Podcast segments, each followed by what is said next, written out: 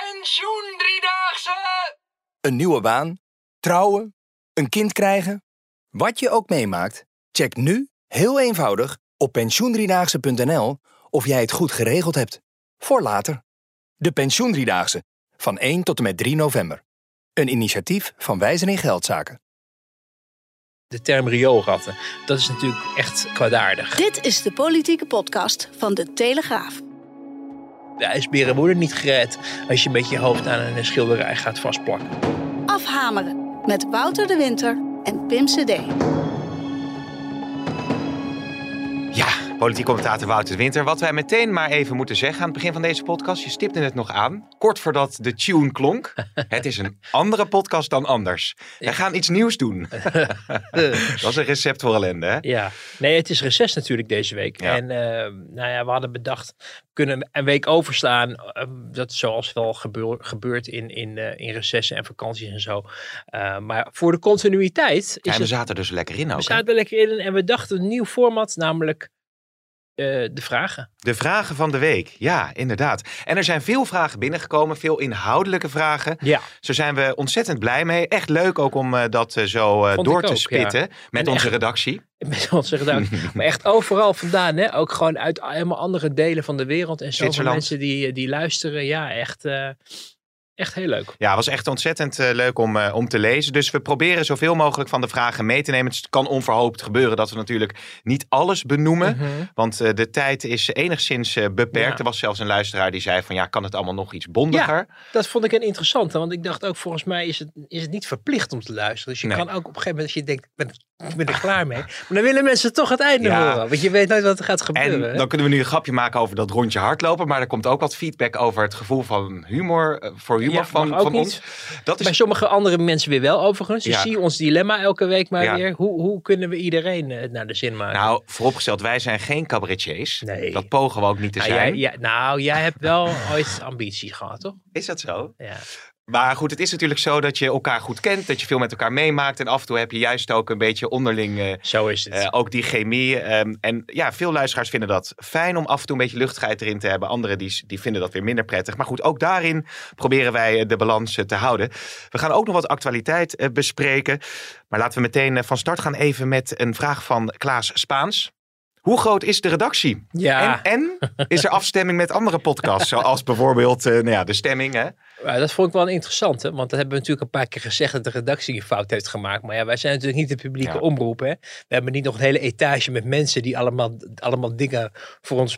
Ik heb ooit eens wel, toen ik net in Den Haag begon, toen werkte ik nog voor de radio, werkte ik voor BNR. En toen zag ik een, eh, een, eh, nog steeds actieve NOS-verslaggever met een eh, papiertje met allemaal vragen erop, die hij Oh. allemaal aan het oplezen was tegen een minister. En dan elke keer naar het papiertje keek om, Ja. zijn, om de vraag te stellen. Wat ik wel grappig vond toen, dat ik dacht van god, de grote NOS. En dan zou je toch denken dat die mensen dat allemaal, hè, dat was ik nog een kleine Wouter toen, eh, een jaartje of 25 of zo. Ja, er zijn natuurlijk ook NOS-verslaggevers die het allemaal natuurlijk eh, keurig eh, als kennis hebben. En dit was 16 jaar geleden of zo. Ja, Maar ehm, eh, we hebben dus niet een redactie. Wij zijn eigenlijk zijn de redactie. en natuurlijk met Marieke en, en met Hein, onze technische collega's die ons helpen. ja. Maar eigenlijk maken we eigenlijk alles zelf. Dus op het moment dat we iets niet weten of iets niet goed hebben gedaan, dan zeggen we gewoon dat het eh, fout is van de redactie. ja, en dat is dus een fout van onszelf. Maar het is, het is misschien wel aardig voor, voor de achtergrond. ehm, om dat nog iets uit te diepen. Eigenlijk, nou ja, goed, jij bent dan echt natuurlijk eh, de, de politiek duider van eh, de Telegraaf-commentator. Dus jij houdt automatisch alles in de gaten. Je hebt natuurlijk je, je, je column die je schrijft. Je, je ademt politiek. Ik ben natuurlijk op dinsdag in Den Haag. Ja, en ik volg ook zoveel mogelijk alles wat ik kan Zeker, volgen. zeker, door bijvoorbeeld ja. s avonds, ochtends, nou overdag alles goed in de gaten te houden. En dat leidt dan uiteindelijk tot eh, deze podcast op, eh, op vrijdag. Waarin we de week ook mooi kunnen, kunnen samenvatten. Ja, Dus dat is een beetje hoe dat, eh, hoe dat gaat. En daar hebben we ontzettend veel plezier in. Zeker als we merken dat de luisteraars daar ook enthousiast eh, over zijn. Dus dat is een beetje hoe we dat allemaal eh, voorbereiden. Ja, Glennis Grace moet ze het maar even niet over hebben. Want er was een luisteraar die zei eh, dat ze heimwee had naar Jaap van Meek. Toch een presentator van vroeger. Maar wel nog even één punt als we toch over Glennis Grace hebben. Want dat gebeurde natuurlijk aan de talkshow eh, tafel. En nu waren er, was er een klimaatactivist die zich vastlijmde, Ja. Wouter, ja. aan de talkshowtafel. Waarop Ja, de vraag binnenkwaam hoe jij erop gereageerd zou hebben. Dat heb ik mezelf namelijk wel afgevraagd. Want natuurlijk de week daarvoor met, met eh, Glenda eh, te maken gehad. En toen zat ik toevallig op die plek. En eh, nou ja, ik heb, ik heb nog wel even vorig weekend nog even teruggekeken. Want ik kijk eigenlijk mezelf nooit terug. Maar nu dacht ik, nou iedereen heeft het er zo over dat ik gekke bek aan het trekken was. Ja. Dat ik ook van, oh ja, de, het eerste, de eerste tien minuten trek je nog. En dan op een gegeven moment ben, ben ja, dan gaat de fr- frustratie eh zegevieren.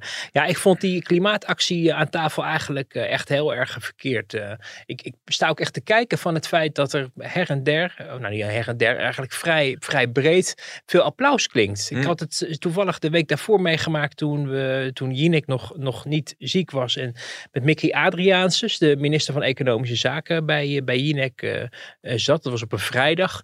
Ehm, en zij ging toen over het steunpakket voor het, voor het MKB eh, Maar ehm, toen lieten ze al de beelden zien van, die, eh, van dat blik soep wat tegen die eh, de zonnebloemen werd gesmeten. Ja, En, was toen in Londen, hè, Ja, mij. toen, had, toen zei ik zoiets van, nou ja, weet je, je moet die mensen gewoon echt, je wil ze vastpakken door elkaar schudden en zeggen, eh, waar ben je eigenlijk mee bezig? Heb je wel enig, enigszins door wat je aan het doen bent? Eh, het idee van, oh, de glasplaat beschermt ons wel en daarmee denk ik van, nou, stel er zit een scheurtje in die glasplaat of het sluit niet goed af, dan ben je gewoon een meesterwerk aan het vernietigen, gewoon cultureel erfgoed aan het kapot maken. Ja. Dus echt totale waanzin. En gisteren gebeurde het in, de, in het Mauritshuis Ja. met het meisje met de parel.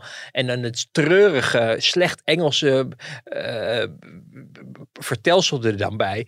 Ehm, dus ja, ik, ik, ik stond er echt van te kijken dat Adriaanus ook zei van ja, oh ja, nee, maar ik ben toch wel heel erg onder de indruk van eh, de vastberadenheid of van de, Ja. van de, van de overtuigingskracht. Of dat ik echt dacht van nou, je bent nog notabene een VVD-minister. Weet je, als, als de VVD-ministersploeg dit al half goedkeuren, hè, want het was van ja, het moet eigenlijk niet, maar ik ben wel onder de indruk van de vastberadenheid. Ja, dan is natuurlijk het einde zoek. Want dan kan iedereen die zichzelf heeft aangepraat dat hij het belangrijkste op de wereld aan het doen is. ehm, ik weet niet, eh, blikken soep, eh, mensen, eh, televisieshows, alles maar op zijn kop zetten. Omdat jij voor jezelf hebt uitgemaakt dat jij eigenlijk iets belangrijker bent dan de rest van, eh, van de samenleving. Als jij eh, je, je in de aandacht wil komen, is blijkbaar het, het in de buurt komen van, van eeuwenoude kunst wel een effectief eh, middel.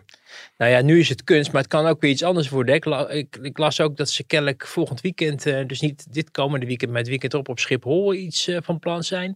Eh, het, het, Ja. je, en je zal maar net die dag naar je zieke moeder moeten vliegen of zo. Of, of naar een huwelijksreis. of, weet je, het is, het is elke keer het opzij zetten van andermans leven en belangen voor je, voor je eigen belang, wat je ophangt aan een soort wij redden de wereld idee. Wat natuurlijk helemaal niet zo is. Want de, ijsberen worden niet gered als je met je hoofd aan een schilderij gaat, eh, je gaat vastplakken. Maar misschien Wat meer awareness niet echt dan. gaat plakken. Hè? Want dat is ook zo Nee, tuttigheid. Dat vroeg ik me nog af bij die. Wat maar, want want die, die, die activist die dus eh, zich aan de tafel bij Bo had vastgeplakt, die zat overigens later bij Galit en Sophie. Oh, hij was zat overal. Dus ik had nog een tweet onder de knop van: Goh, wie nodigen ze morgen uit? Ik heb hem maar even niet gestuurd, want ik had wel genoeg ellende over meegekregen de laatste tijd. Maar dat is toch Wel, wel, wel. Ja, nou ja, dat was weer, weer vanuit de forumhoek, maar daar komen we zo wel over te spreken Mhm. nog. Maar ja, het is wel fascinerend hè, hoe je daarmee om moet gaan. Wat je vaak ook wel hoort, is van ja, maar bij de boeren zus en bij de klimaatactivisten Ik vind, zo. weet je, demonstreren, het staat in de grondwet dat het mag. Dus hartstikke goed. Maar, maar eh, zodra het andermans leven ehm, gaat, gaat, gaat raken, beperken of, of, of kwaad doen. Eh, ja, dan vind ik dat dus geen, geen goed plan. En ik vind dat je met je poten van, eh, van de kunst af moet blijven.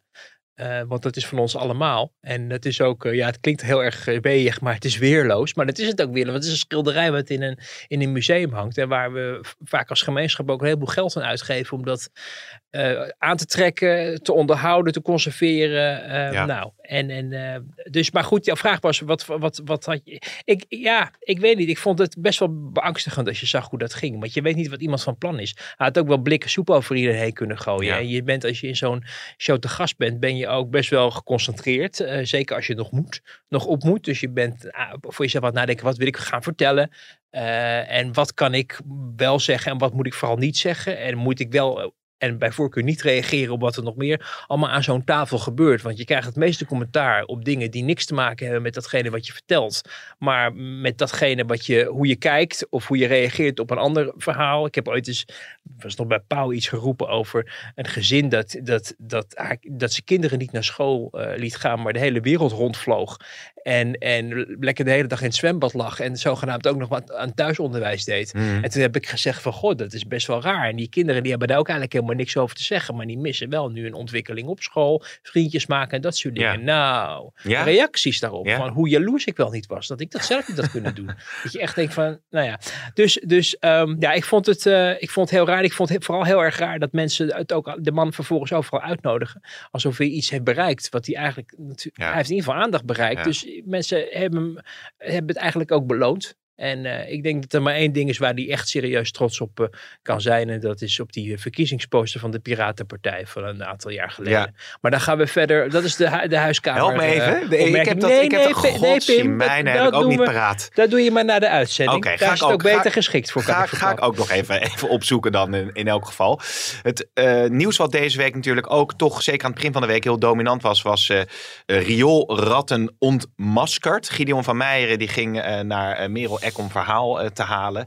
Nou ja, dan ging het over het feit eh, liquideren. Heeft het nou een andere betekenis in de, in de vandalen? Net als reptielen. Nou, die, die inleidende beschietingen, die kennen we allemaal wel. Maar het feit dat Gideon van Meijeren op die manier verhaal ging halen. Hij heeft zelf ook een filmpje inderdaad eh, later nog gestuurd, hè?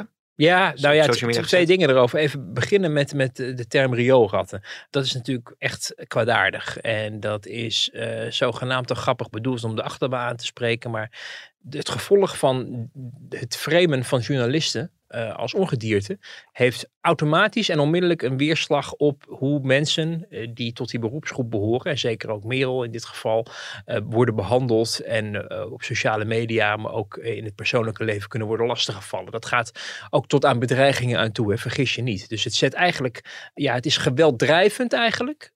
om, om je op die manier uit te laten. En daarom vond ik het verwerpelijk, omdat hij dat ook donders goed weet. En hij heeft zoiets van: ja, maar ik word zelf ook wel voor van alles uitgemaakt. Hij was in een filmpje wat hij en eh, als een soort terugblik nog uh, gisteren online eh, zette. eh, aan het jammeren dat hij voor Marmot werd uitgescholden in de Tweede Kamer. Dus ja, als je voor Marmot door een Kamerlid, mede Kamerlid wordt uitgescholden, dan mag je dus kennelijk journalisten voor rioolratten uitschelden. En eh, de gevolgen die dat hebben, daar, ja, dat, die reflectie mis je, vind ik, bij de Forumkamerleden. Ook bij Gideon van Meijeren, is dat het vervolgens gevolgen heeft die veel verder gaan dan het noemen van een term. Maar het, je hebt ook die Gundogan, die, die dat hele trollenleger over zich heen kreeg, omdat zij eh, eh, nou ja, zich verzet tegen datgene wat Forum in de Tweede Kamer laat horen. En die krijgt ook de, de meest verschrikkelijke dingen naar haar hoofd. En dan kan je heel luchthartig over doen en zeggen, ach, we zijn allemaal niet van suiker. En dat, dat zijn ook journalisten niet. Maar dit heeft onmiddellijk gevolgen ook voor het leven en, en vaak ook veiligheid van mensen. En daarom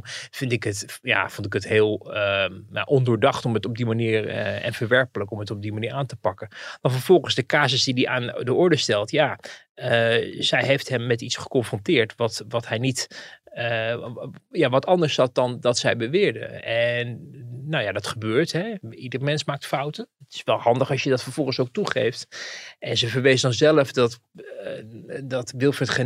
die uitzending dat dan had soort gerectificeerd. Maar dat fragment was van, oh ja, het klopt niet helemaal. En dan vervolgens door naar het Ja. volgende onderwerp. Dus Ja. dat was ook niet. Dus dat je daar ook als Kamerlid, uh, als je eerst het idee hebt dat je helemaal wordt afgezeken in een programma met lekkere uh, vragenvuur, scherpe vragen. En, en voor lul wordt gezet. En de volgende dag ga je dan, uh, ga je dan verhaal halen. De vraag is, moet je dat met camera doen? Als je het je echt um, naar aan het hart ligt, had je dat ook gewoon één op één kunnen doen. En kunnen zeggen, goh, ik, ik verwacht wel van SBS iets van een rectificatie. Of een nadrukkelijker afstand nemen hiervan. Uh, ja. Want dat is op zich de journalistieke weg. Dat je gewoon ook met elkaar wel gaat spreken. En dat zij, zij tonen zich daar ook voor open. Maar hij zet er dan gelijk weer een camera bij. Ja. Hij laat dat, dat, dat, geluid doorlopen naar allemaal trucjes waarvan ik me afvraag van ja, dat doe je nu één keer. Maar, maar je, je maakt jezelf tot paria. Want geen journalist vertrouwt je meer natuurlijk. Dus die zal wel op zijn hoede zijn om nog, nog iets te doen uh, met Forum. Uh, zou mij niet verbazen. En uh, daarmee snijdt um, die partij zich ook in de vingers, denk ik. Omdat wij ook merken uit onze eigen ervaringen dat ze heel erg om aandacht verlegen zitten. Ja. En ook niet zelden ook rond jouw camera staan te dartelen. Ja. vooral dan Baudet van wil je me alsjeblieft iets vragen? Zodat ik ook op de site van de Telegraaf terechtkom. Dus je ziet dat er, en dat zag je een paar jaar geleden ook heel duidelijk bij Wilders, die ook heel scherp aan de wind zeilt en, en ook af en toe de grens overgaat als het gaat om het kwalificeren van journalisten. Tuig van de Richel, Tuig hè? van de Richel. Eh, met enkele uitzonderingen daar gelaten, wat dan zeg maar de disclaimer moet zijn. Maar tegelijkertijd eh, ook niet zonder die media kan. Dat schreef hij ook in fractievergaderingen toe. Hè, dat die eh, kranten, eh, televisiezenders, radio, websites, hij kan ze allemaal haten en hij kan er hele erge dingen over eh, twitteren en zeggen. Maar hij heeft ze ook wel hard donders goed nodig. De ene week is de hoofdredacteur van Trouw nog de klos vanwege eh, allerlei dingen die die man over Wilders en het verbieden van partijen en dat soort dingen.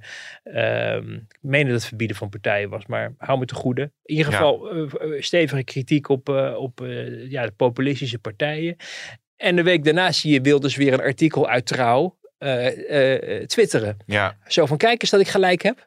Omdat Ja. Trouw iets heeft opgeschreven wat hem wel bevalt. Ja. En bij de NRC zie je hetzelfde gebeuren. Die kant haat hij ook. Tegelijkertijd zie je dat, en dat is dan wel grappig, dan knipt hij net de, de, de, de, de, boven, de balk aan de bovenkant van de pagina weg. Dus dat je niet ziet dat het NRC is. Maar je, ja, wij weten dan dat het de NRC is wat hij dan eh, twittert. Dus zo gaat hij daar weer mee om. Dus het is ook die haat-liefde verhouding. Die geldt natuurlijk ook wel voor Forum. Die, die redden het uiteindelijk ook niet alleen maar op de eigen platforms. Die zoeken toch ook de aandacht van de door hun zo verfoeide eh, mainstream media. Dus, ehm, maar ja, niemand vertrouwt hem nu meer of het veel uithaalt om nog eens naar de regels te kijken. Hè? Wat, wat, wat, wat de Kamervoorzitter dan weer heeft eh, gezegd. Ja, daar, daar geloof ik eigenlijk niet zoveel in. Want dat haalt meestal toch niet zoveel uit. En bovendien, je kan wel regels opstellen, maar Forum houdt zich er toch niet aan. Dus Hmm. Ja. Ja. Er zijn nog wel een aantal interessante eh, aspecten. Ehm, wat, Dank je. wat SBS 6 natuurlijk, ja, wat SBS 6 natuurlijk eh, wilde benoemen, is van ja, god, er wordt commotie gecreëerd, ophef door Forum, door met reptielen eh, uitspraken te komen, et cetera. En als je dan uiteindelijk de confrontatie aangaat, zeggen ze van, ah, maar het is allemaal niet zo bedoeld. Je moet het allemaal niet zo letterlijk eh, nemen. Ja. Dat is eigenlijk wat eh Merel wilde dat zeggen. is- dat liquideren moet je ook niet zo letterlijk nemen, maar daar maakt ze een vergissing van. Want er stond eigenlijk niet als het op mensen gericht Ja. een andere betekenis in het, in het, Ja, maar in goed, het woordenboek. iedereen kan fouten maken. Hè? en, en, en ook zelfs journalisten. En onze beroepsgroep is niet, staat niet vooraan in het, in het toegeven daarvan. Eh, Nee. maar goed, ik, dit was een manier om, om haar gewoon te beschadigen. En Ja. dat deed hij in dat filmpje trouwens nog steeds, wat hij vervolgens heeft gepubliceerd. Dat hij ook weer helemaal losging op haar. Dat ik denk, ja, Ja, maar dat is het andere punt wat ik wilde aanstippen. Dat, dat, je noemde het ondoordacht. Maar is het niet juist eigenlijk heel doordacht? Door, door, want het is een, een YouTube-video. Gideon van Meijeren loopt dan door dat Tweede Kamergebouw heen. Zegt, nou, het stinkt hier toch allemaal een beetje Ja, naar, ja. naar rat. Dus, dus ze, Maar ja, ze lijkt zich altijd- terdege bewust van hetgeen ze aanrichten. Zeker, het is natuurlijk voor- vooropgezet. Alleen je moet altijd ook denken van, ja, waar wil je uiteindelijk uitkomen? Hè? Dat geldt in de politiek, eh, maar ook in de journalistiek, maar zeker ook in de politiek. Eh, je, je, kan een actie beginnen die op het eerste gezicht eh, ja, een grote schokgolf teweeg brengt. En wij kunnen morgen ook een verhaal in de krant zetten waar iedereen het over heeft. Ehm, en dan vervolgens de af. Ja, maar waar wil je dan precies uitkomen? Want dan, kan, dan heb je iets opgeschreven wat, wat dan heel heftig is. Maar ja, wat is dan het volgende? Ja, Forum wil, wil het- uitkomen het bij, volgende verhaal. Forum wil uitkomen bij eh, zoveel mogelijk aandacht. Eh, ja, misschien nou, een je democratie die onder druk komt te staan. Daar ga je eh, al. verkiezingen, noem het Zoveel mogelijk aandacht. Maar wie gaat die aandacht nog geven? Ja, ja, nee, precies. Behalve, behalve ongehoord Nou ja. Nederland. Dus, dus dat is, da- daarom is de vraag van ja, is dit, is dit het. Is dit eh, zal het uiteindelijk het ultieme doel dienen? Is de eerste Ja. vraag. En de tweede is ook eentje van, vind ik gewoon over fa- fatsoen. Eh, en, en, dat, en daarom had ik er moeite mee. Ehm, het, het kwalificeren, eh, de kwalificatie rioolratten, eh, is eentje van ongedierte dat uitgegroeid moet worden. En dat hij niet zelf zal doen, maar zijn volgers en Ja. zijn hele eh wappieleger.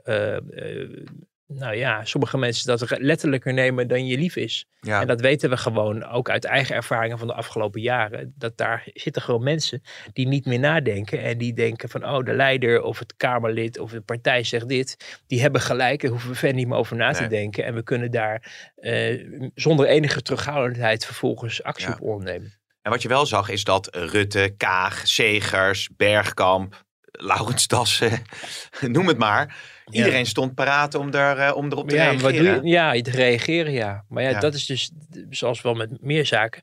Politici kunnen heel erg goed reageren. Maar om nou vervolgens daar... eh, het is net alsof mensen aan de, aan de goede kant van de... eh, ja, ik weet niet, van de geschiedenis willen staan. Van kijk, mij er eens, mij er eens tegen hebben uitgesproken. Ja.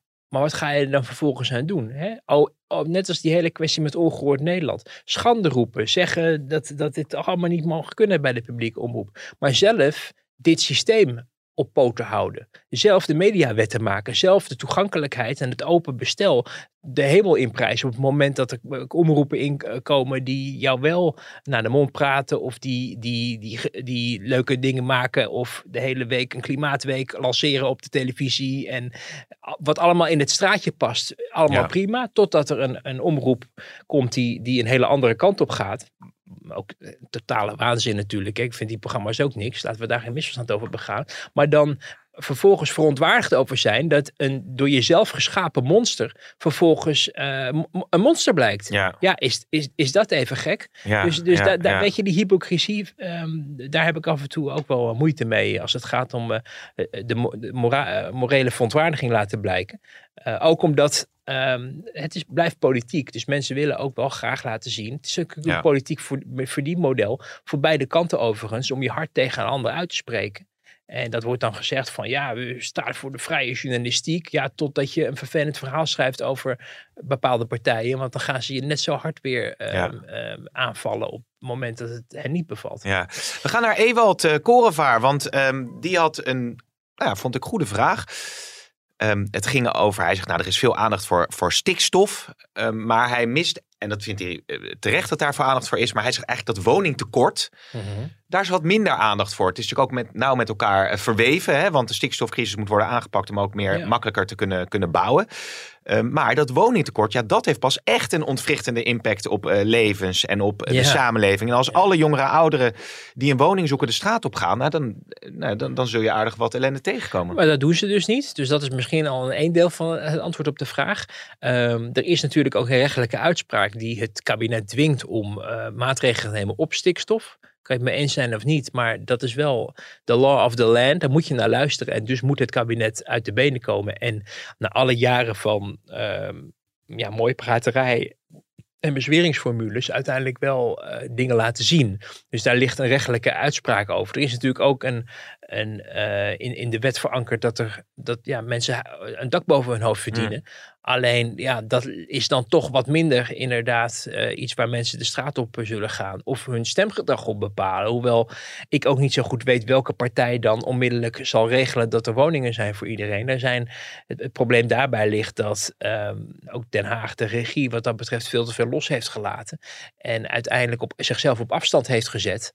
Natuurlijk nu te maken heeft met problemen rond stikstof. Eh, waardoor vergunningsverlening en zo eh, spaak loopt en niet gebouwd kan worden. eh, of te weinig gebouwd kan worden. Maar ja, toch uiteindelijk de onmiddellijkheid van het probleem eerder bij stikstof zich nu manifesteert vanwege die rechtelijke uitspraak dan dat er Ja. te weinig woningen zijn.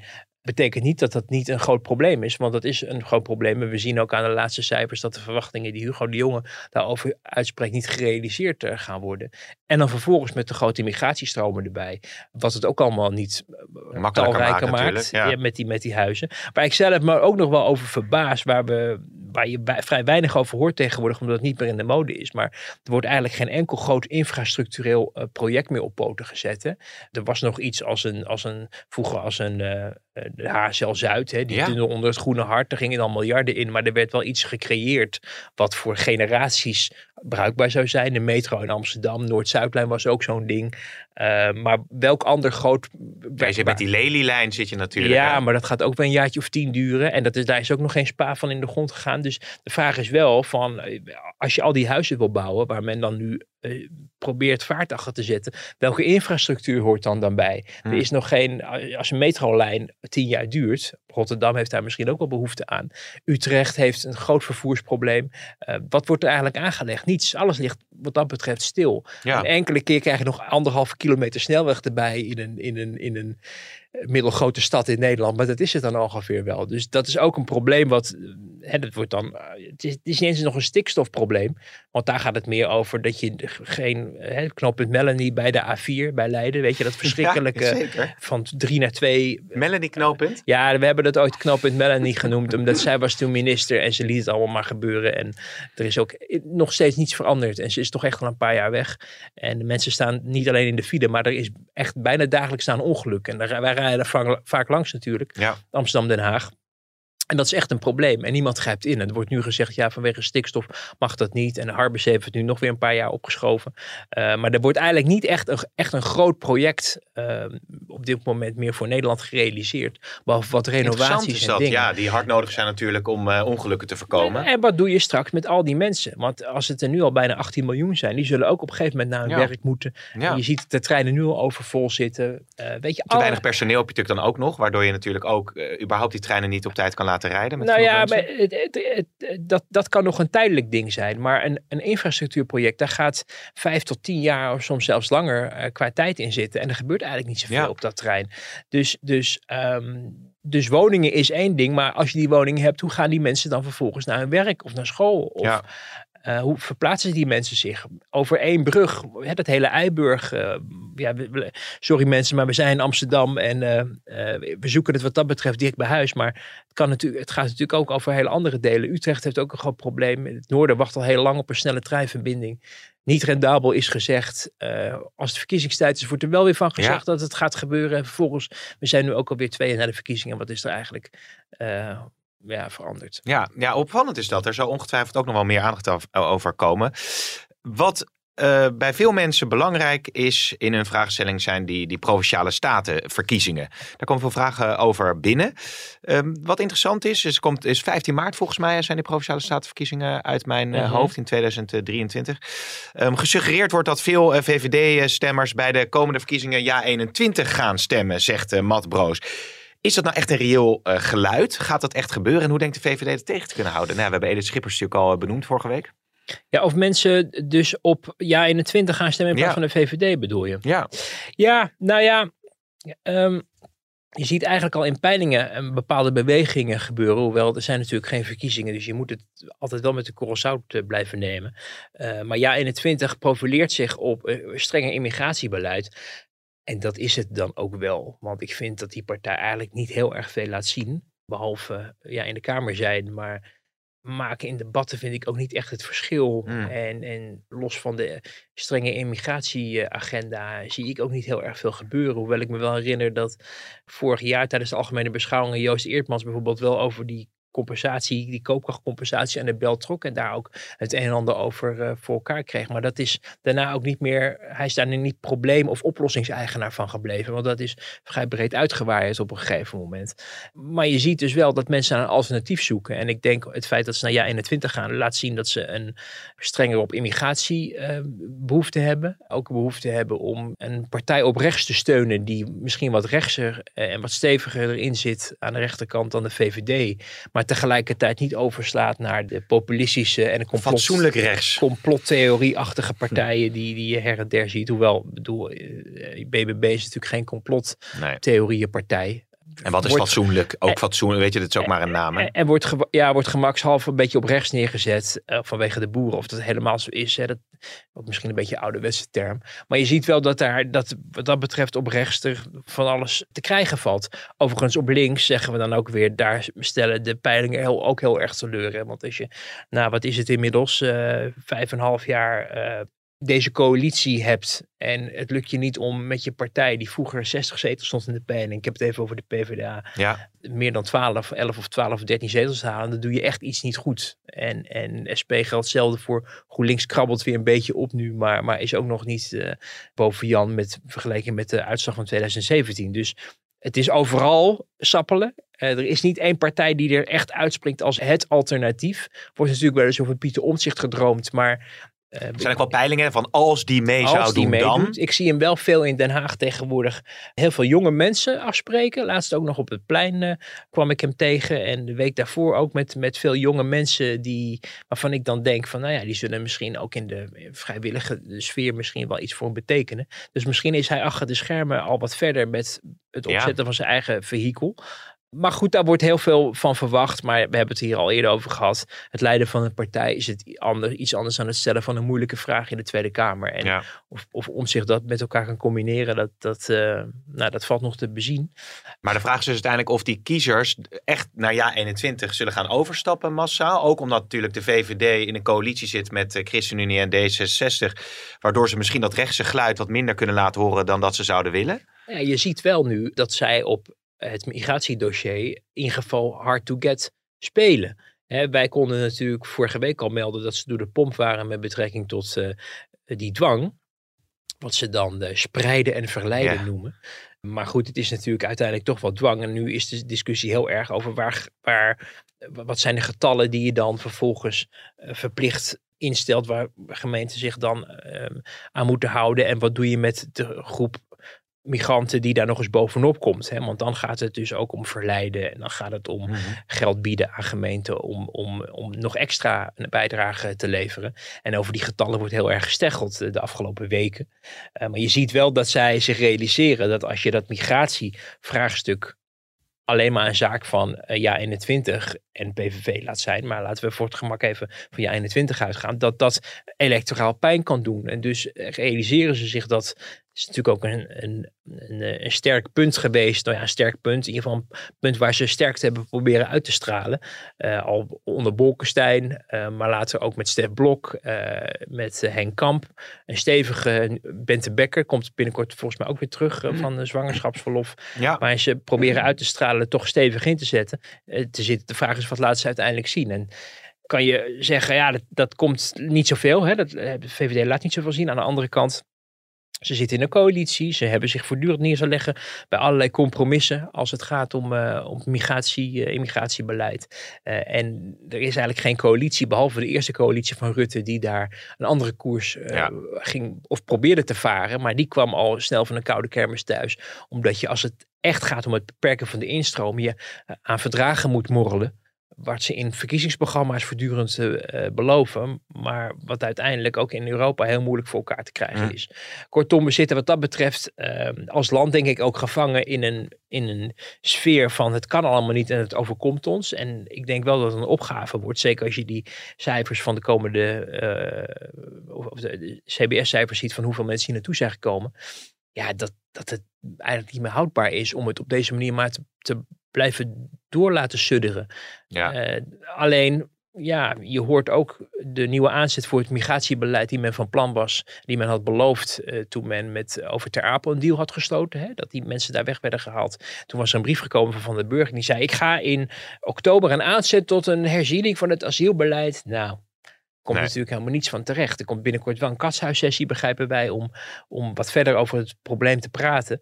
Uh, maar dit is een, een erg groot probleem, wat je op dit moment vooral in de, ja, de hap-snap actualiteit ziet. Mensen die buiten moeten slapen, uh, mensen die even geen woning meer hebben. Maar denk ook even aan de, de, de, de integratieproblematiek die daar nog achter schuil gaat. Ja. En waar je de effecten, en ook het onderwijsniveau en nou, alle andere dingen, ook solidariteit, uitkeringen, eigenlijk de hele verzorgingsstaat, alle problemen die daar nog uit voort gaan komen, die zien we nog niet nu, maar die komen nog. Komt meer onder druk ja, te dus, staan dan in elk ja. geval. We, we, we, richten ons nu even op, op de VVD, maar een andere vraag die binnenkwam van Jorian is hoe groot is eigenlijk de kans dat Hoekstra en Kaag opstappen bij grote verliezen bij de statenverkiezingen? Ja, daar heb ik even over nagedacht uh, toen ik die vraag uh, voorbij zag komen, omdat ik me afvroeg van ja, opstappen, zou dat dan betekenen dat ze van het toneel moeten verdwijnen? Hè? Ik denk niet dat op het moment dat er een slechte uitslag voor de statenverkiezingen komen, dat ze dan zeggen, nou, uh, ik, ik neem ontslag als vicepremier, want daar hebben we het hier over. Het ja, zijn twee ja, leiders ja, van de coalitie en zoek het maar uit verder. Dat, dat, dat zie ik niet gebeuren. Er is in de recente politieke geschiedenis wel uh, natuurlijk op een gegeven moment iets gebeurd rond Josias van Aartsen. In, uh, tijdens Balkenende 2 was dat, dus de periode nou ja, halverwege de jaren nul, zullen we maar zeggen. Uh, toen die, toen uh, die coalitie van CDA, VVD en D66 uh, regeerde, dat met gemeenteraadsverkiezingen Josias van Aartsen een soort ondergrens voor zichzelf had gesteld. Ja. Iets van als wij 14, als wij niet 14,6 procent of zoiets halen van de zetels, dan treed ik af iets wat je nu niet meer zou kunnen nee, voorstellen. Want het nee. was nog een behoorlijk aantal. Maar toen had hij voor zichzelf een ondergrens gesteld. En toen verdween hij van een toneel. Wat eigenlijk het begin was van een, van een hele boelige periode. Die uiteindelijk leidde tot het premierschap van Mark Rutte. Maar de hele periode Verdonk volgde daar nog. En natuurlijk uh, uit, kwam daaruit voort.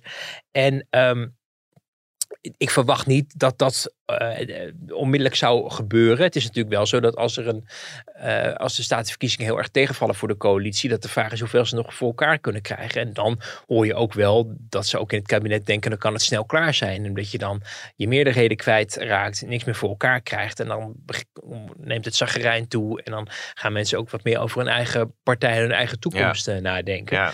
Uh, maar een onmiddellijk aftreden van, van één of twee vicepremiers naar aanleiding van de uitslag van de statenverkiezingen, dat zie ik nog niet gebeuren. waar je wel rekening mee houdt en wat je ook wel nadrukkelijk hoort, is dat, en ze zullen het alle twee ongetwijfeld uh, ontkennen, maar dat de vraag is of Hoekstra het nog een keer gaat doen bij het CDA als lijsttrekker als de partij in de staat blijft waar die nu staat. Namelijk niet goed. Ik geloof zes zetels, uh, van de hond. Misschien nog zeven of acht uh, elders. Maar het houdt natuurlijk niet over. Hetzelfde geldt voor Kaag. Uh, iedereen ziet dat haar kwaliteiten echt op het internationale vlak liggen. En dat ze daar ook misschien een veel effectiever bewindspersoon zou kunnen zijn. Omdat ze alleen al uit de losse pols de redenvoeringen over kan houden. Die, die meer hout snijden dan wat ze nu over financiële zaken vertelt. Uh, maar goed, dat is met die formatie nou eenmaal zo gelopen. Maar de vraag is, uh, of nou niet, de vraag is niet, ze doet dit natuurlijk ook wel met zichtbare tegenzin in het landsbelang. Maar de impact die dit alles heeft, ze rijdt ook nog steeds in, in beveiligde gepantserde auto's rond, omdat ze bedreigd wordt. Uh, ze heeft natuurlijk een gezin. Ja. Ik kan me heel goed voorstellen dat ze op een gegeven moment denkt, ik heb mijn, mijn bijdrage aan het landsbestuur uh, geleverd en ik ga wat anders doen. Wie, wie, wie staat er denk je eigenlijk in de coulissen bij het CDA, zou ik te denken? Is D66, uh, zie ik wel wat, wat, wat mogelijkheden op de een of andere manier? Jet, Jet heeft het natuurlijk al gedaan. Uh, ja. Paternotte ontwikkelt zich denk ik...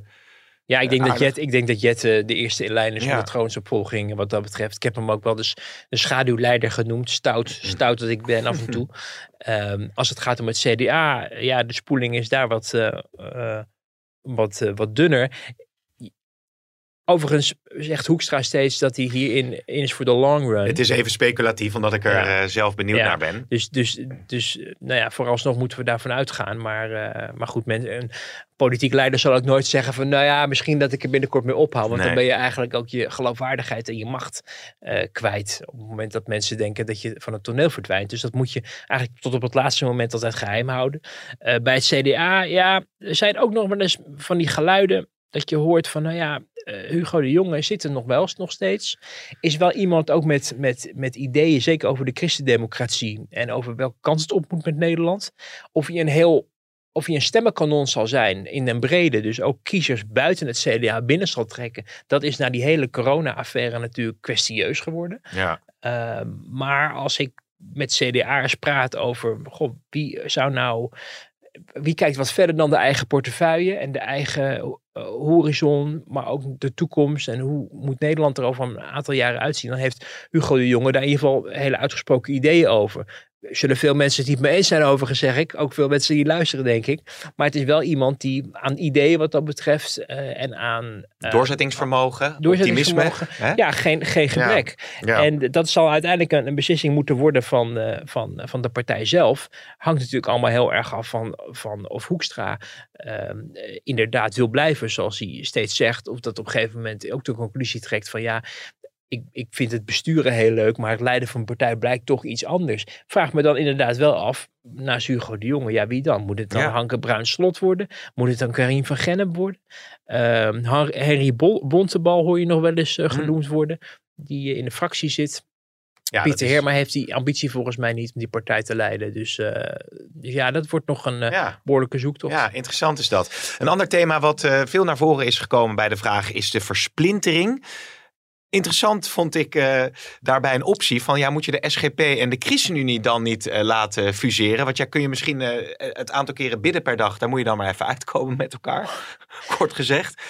Maar dat is misschien wel de kant die je meer op moet gaan. Want je krijgt nu zoveel partijen in de Tweede Kamer. Dat ja, samenwerken, op een goede manier tot besluitvorming komen, wel heel lastig begint te worden. Het, het, wordt lastig, maar ik ben er ook weer niet heel erg pessimistisch over. Want we, we zien nog in het meest recente verleden uh, van, van nog dit decennium zelfs. Dat, uh, nee, niet vorige decennium was het. Tien jaar geleden alweer. Jeetje, het gaat, het gaat snel. En wat worden we snel oud, Pim? Nou, je zou het nou. niet zeggen, maar het is natuurlijk wel het geval. 2012 natuurlijk. Uh, twee hele grote partijen. of nou ja, hele grote, onder de huidige maatstaven grote partijen. Namelijk de VVD en de PvdA. 41 om 38.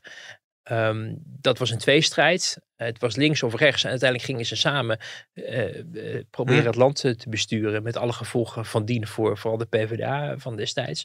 Eh, maar het laat wel zien dat, het, dat er een situatie kan zijn dat mensen eh, toch weg weer teruggaan van die versplintering. Van de deelbelangetjes Ja, ja. vertegenwoordigen. En toch naar het grotere verhaal kijken. Omdat ze willen dat het land een bepaalde afslag neemt. In plaats van alleen maar over de dieren. Of over de, de boeren. Of over de, nou ja, Inclusiviteit. De, inclusiviteit. Europa. Europa, de ouderen, al die Ja. verschillende eh, deelbelangen. Ehm, en, en men toch denkt van ja, maar we hebben niet zin in nog vier jaar Rutte. Of lieve hemel, we willen toch echt niet straks een premier Timmermans hebben. Eh, dus we gaan ook zeker dan maar liever Rutte dan Timmermans. Weet je, dat, dat, dat, Ja. dat zou kunnen. En trouwens niet alleen Rutte, maar er zullen ook veel mensen eh, ongetwijfeld aan denken. Dan, dan moeten we naar Wilders of misschien moeten we naar eh, de boerburgerbeweging. Gewoon een partij die, die met enige grootte in ieder geval perspectief geeft op een, een factor van belang te zijn. Ja. Om maar tegenwicht te bieden aan, aan eh, het alternatief. Dus een tweestrijd kan leiden tot eh, een ontsplintering eh, Ja. in zekere zin. Eh, trouwens, we hebben het nu over Rutte. Voor hetzelfde geld als het Schippers. Brengt ook weer een hele nieuwe dynamiek eh, met zich mee. Hè, wil, je, wil je Timmermans of wil je de eerste vrouwelijke premier? Eh, ik noem maar even een, Ja. een, een, een, eh, een mogelijkheid. Dat is ook iets wat, wat een rol kan gaan spelen. En dan, dan zal die versplintering ook wel weer kunnen verminderen, denk ik. Ook omdat eh, we, denk ik ook nadat we deze periode in de Kamer hebben meegemaakt, de balans zullen opmaken van wie heeft nou echt wel wat voor elkaar gekregen en wie viel heel erg tegen. En eh, nou, sommige mensen die blijken een enorm eh, talent. Hè? Onze Kamerlid van eh, de BBB, Caroline van der Plas natuurlijk. Iemand die, die volgens mij een heel goed Kamerlid is. En ook van links tot rechts, van boven tot beneden ook als zodanig beschouwd wordt. Dus dat is een meevaller. Op andere vlakken vraag je je wel eens af van... God, wat zijn die eigenlijk de hele dag aan het doen? Mhm. En ehm, toevallig zag ik nu Laurens Dassen weer eens op televisie. Omdat die Naar aanleiding natuurlijk Eh, van, van- eh, Gideon van Meijeren. ja, dus dan zie je van, hé, hey, die heeft iets gevonden waarmee die zich eh, een soort, ja, een soort tegenpool van de FVD kan tonen. Maar voor de rest is het toch een soort, ja, een soort surrogaat D66 die Ja, de belofte van Volt, die natuurlijk Ziet er fatsoenlijk uit, dat binnenkwamen. kennelijk al genoeg. Ja, met de afsplitsing ook van de Gundogan, dat, dat, dat lijkt niet tot een enorme grote aanwas komen. Was in de peilingen volgens mij daar ook weer niet zo eh, dramatisch eh ja, voor staan. niet, ze hebben, ook geen, hebben ook geen tien zetels, toch? Nee, nee, nee. Dus nou, wellicht een onsplintering. Wat, wat wel nog, ik weet niet of je het antwoord hierop weet, want we hebben met onze grote redactie niet alles uitgebreid voorgeno- eh, voorbesproken. Maar Moos uh, Waasdorp die vroeg zich af, nou ja, als nou afsplitser Gijs van Dijk Ja. terugkeert als eenpitter Ja. en dan weer vertrekt. dan weer vertrekt. Wat gebeurt er dan met die zetel? Dan gaat de zetel naar de PvdA. Ah, Ja, want dat is de, de verkiezingsuitslag ja. eh, geweest. Dat is ook vastgesteld in het proces verbaal van de kiesraad. Ehm, hè, d- er wordt elke keer als eh, een, fra- hè, een fractie heeft een aantal zetels weten te bemachtigen. Op het moment dat er iemand vertrekt, gaat de kiesraad de volgende op de lijst benaderen of die die plek in wil nemen. Dat is in dit geval Gijs van Dijk. Eerst nog Ploemen, overigens, als Khadija Hm. Ariep volgende week... eh, ja, volgende dan- week is dat, hè? Ja, Dat woord wat, nou, ik heb het nu al een maand eh, gehoord, dus ik durf er ook niet ge- ge- mijn geld niet meer op in te zetten. Maar ga ervan uit dat, dat Ariep inderdaad vertrekt en volgende week ook vertrekt. Dan nou ja, is de eerste aan de beurt Ploemen, want die stond op uit mijn hoofd drie eh, bij de PvdA. Nou, die gaat niet meer terugkomen, is de verwachting. Tenzij de partij een beroep op haar doet natuurlijk om ehm, eh, bezet jij die zetels maar tot de volgende verkiezingen, Mm. want we willen eh Gijs van Dijk niet. Nou, die kans lijkt me niet heel erg groot. Dan komen ze bij Gijs van Dijk. Die zegt nu die zetel te willen innemen. With or without de PvdA. Dus desnoods Ja. als één pitter. Nou, daar zit natuurlijk helemaal niemand op te wachten. Maar je begrijpt vanuit zijn perspectief het wel een beetje. Omdat hij zo beschadigd is geraakt door deze hele affaire. En ook eigenlijk door zijn partij en de manier waarop die partij is omgegaan met, met de meldingen. eh, En waarvan de eigen beroepscommissie van nu zegt hij had nooit ehm, uit de fractie moeten worden eh gebonjourd. Dat, dat hij wil eerherstel. Ja. En hij wil dat het liefste via de PvdA. Maar als, niet, als dat niet lukt, wil hij laten zien met zijn Kamerlidmaatschap. Van kijk, ik ben, ik ben, eh, eh, ik, ik, ik deug wel. Want ja, je, voor de rest hoor je er anders niks meer van. En de Kamer kan nu nog laten zien dat hij ehm, iets, iets Ja. is, iets betekent. Ja, Eh, maar er dus- staat de eigen problematiek bij de P van de A weer nadrukkelijk op de voorgrond. Hè? Als Gijs van Dijk al dan niet terugkeert. Nou ja, het afscheid van Khadija Ariep.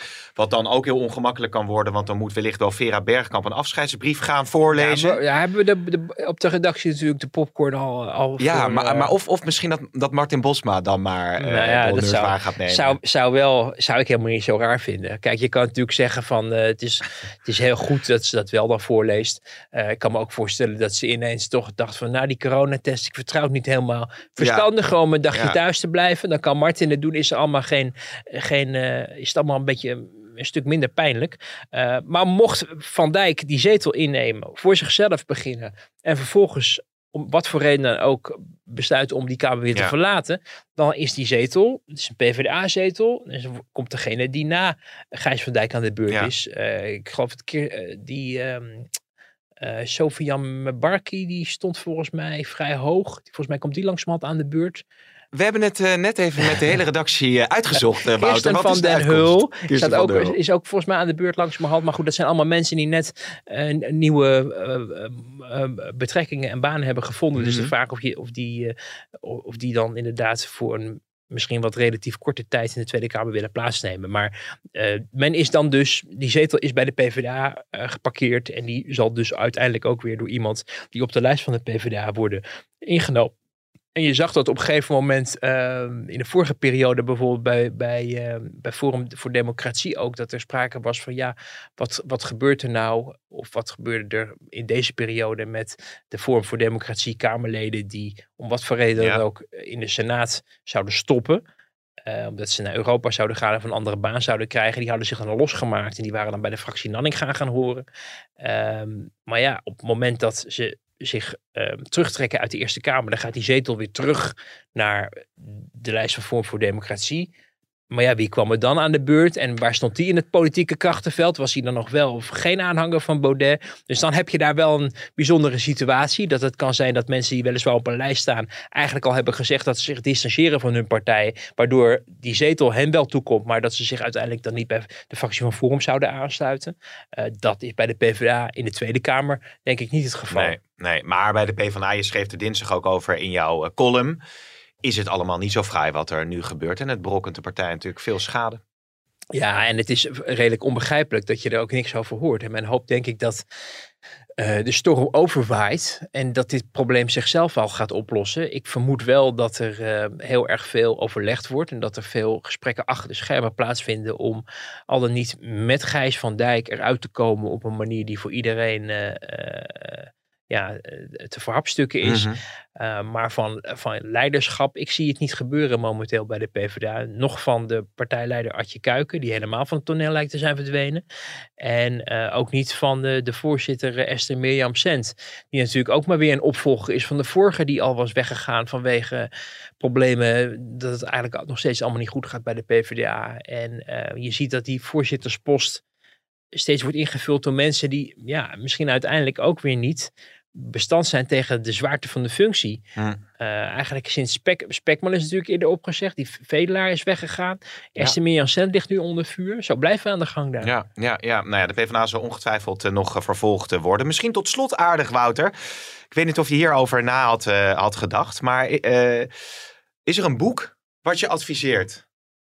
Ja, ja daar heb ik wel even over nagedacht. Hans uh, Milders vraagt zich dat af. Ja, dan pak ik even mijn telefoon erbij terwijl we hier... Want er zijn twee boeken die ik echt met heel veel plezier heb gelezen over hoe het gaat in Den Haag. En het zijn wel boeken die in een, in een tijd speelden dat nou ja, het wel een andere tijd was dan, dan nu. Maar dat maakt niet uit, omdat ze over de patronen van Den Haag nog steeds wel ja, interessante dingen uh, laten blijken. Mhm. Mm -hmm. Het uh, boek Klem in de draaideur van Ad van Liemt. Heel interessant over de ruzie die er was tussen uh, Arthur Dokters van Leeuwen, Weile Arthur ja. Dokters van Leeuwen, de procureur-generaal en de toenmalige minister zorgdrager eh, van Justitie. Dat vond ik een, echt een, uh, een boek waar ik, wat ik eigenlijk in, bijna in één ruk heb uitgelezen, omdat het gewoon heel erg interessant is voor als je politiek geïnteresseerd bent. Je kan het volgens mij nog steeds bij de slechte vinden. Want het is, het is allemaal wel moeilijk uh, te vinden af en toe. Um, omdat het alweer een tijd geleden is, maar ja, ik kan het wel aanbevelen.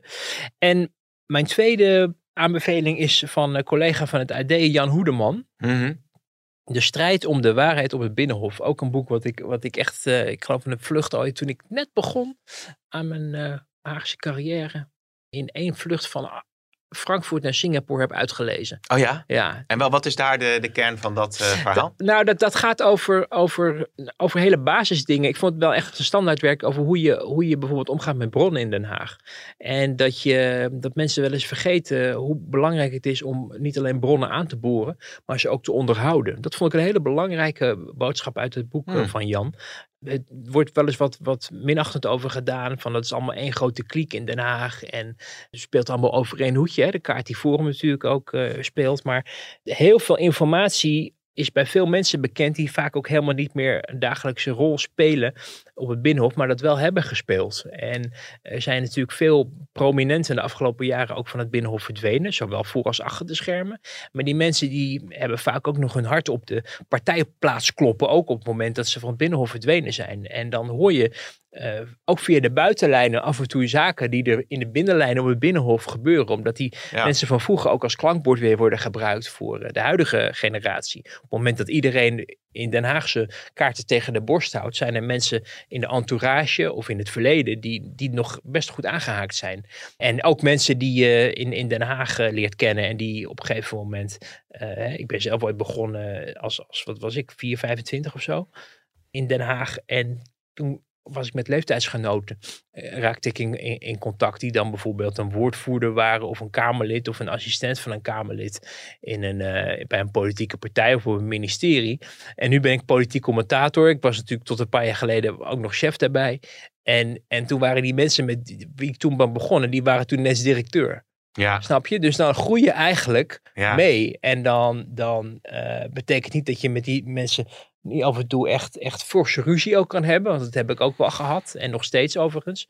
Eh, over zaken die naar mijn inziens eh, ja, niet goed gaan. Of dat ik het idee heb dat ik met een kluitje in het riet wordt gestuurd. Of dat mij niet een, een eerlijk verhaal wordt verteld. Eh, maar mensen waar je wel wat aan hebt. Omdat je hem al die jaren met iemand toch een, een band hebt opgebouwd. Dus Ja. op het moment dat het er echt om gaat. Dat er een, een, een paar mensen zijn die je kan bellen. En die je dan, eh, waar je ook een beroep op kan doen van ik wil nu wel echt het echte verhaal. Ja. En dan mensen ook wel eens geneigd zijn om, ook al is het voor hun partij of een ministerie of voor een ministerschap of wat voor reden ook, niet altijd vlijend om er iets over te vertellen. Maar uiteindelijk wel dat doen, omdat je met elkaar gewoon een band hebt opgebouwd van bedonder me niet nu. Ja, zijn er ook veel mensen die, die, die mee zijn gegroeid, maar eh, gedesillusioneerd zijn eh, afgehaakt? Want politiek is natuurlijk in alle Mhm. eh, gradaties, eh, kan, kan, eh, kan ja, zwaar zijn. Zeker, nou, eh, zeker. En dat- natuurlijk. En dat kan om allerlei redenen zijn. Hè. Het kan ook omdat je in de liefde iemand tegenkomt, eh, waardoor je op een andere plek moet wonen. Hmm. Of omdat je eh, ehm, via een conflict of een beschadiging. Hè. Er zijn ook natuurlijk dingen eh, misgegaan de afgelopen jaren, waar ook personen natuurlijk eh, het veld hebben moeten ruimen, die, waar, die, waar eerst nog hoog van op werd opgegeven en grote verwachtingen waren. Dus ja, dat gebeurt ook. Maar je hebt ook een aantal mensen waarvan je gewoon weet dat zij, omdat ze zo goed zijn in hun vak, ook weten te overleven. Ja, En die zijn eigenlijk het meest interessant. Hè? Dat, mensen, dat gewoon mensen zijn die het al die tijd, ondanks ook tegenslagen die zij hebben meegemaakt, erin zijn geslaagd om zich niet na vier, vijf of zes jaar van het, van het bord te laten Nee. eh, schaken. Want die, die, daar heb je er een heleboel van. Van die passanten die er een paar jaar zitten en dan denken, oh ja, het is toch niks van mij. Ik denk, nee, je was gewoon niet goed genoeg. nou, Zo, dat zijn, dat zijn toch mooie, sterke Vind ik wel een laatste beetje arrogant, hè? Ja. Nou ja, god. Oh. Bij deze mag dat in deze tussen bijzondere Anton Noem met aflevering ons en onze beste luisteraars. Ja, want eh, nogmaals dank eh, aan alle luisteraars voor de vragen die zijn binnengekomen. Ik vond het een zeer interessante podcast. Ja. Dus het, het, het haalt ons ook een beetje uit... eh, ja, ja, nou, comfortzone wil ik niet zeggen. Maar normaal zit je zo kort op de politieke actualiteit. En we houden de, te lijnen gewoon open. Dus mochten er nou vragen zijn, ook in de toekomst. eh podcast.telegraaf.nl, dat kan natuurlijk altijd. Vergeet ook wel eens wat. Soms maken we ook wel eens fouten. Het is bijna niet te geloven, maar het gebeurt. Ja. En, en, en we- zien ze wel. En, en eh, ja, het blijft natuurlijk ook mensenwerk. Ehm, maar goed, we hebben eh, het komende jaar nog wel wat vaker recessen. Ja. Dus wel, wellicht houden we dit format er dan Ja, en het is voorwaar geen sinecure om zo lang natuurlijk, hè, zoals eh, sommige luisteraars aanstippen, te praten zonder dat je ook een paar fouten eh, doet. Hoe, oh, we zijn al, hoe lang zijn we al Ja, bezig? 55 minuten. Oh dus ik zeg God, tegen de nou, zijn- luisteraars tot volgende week. Ja.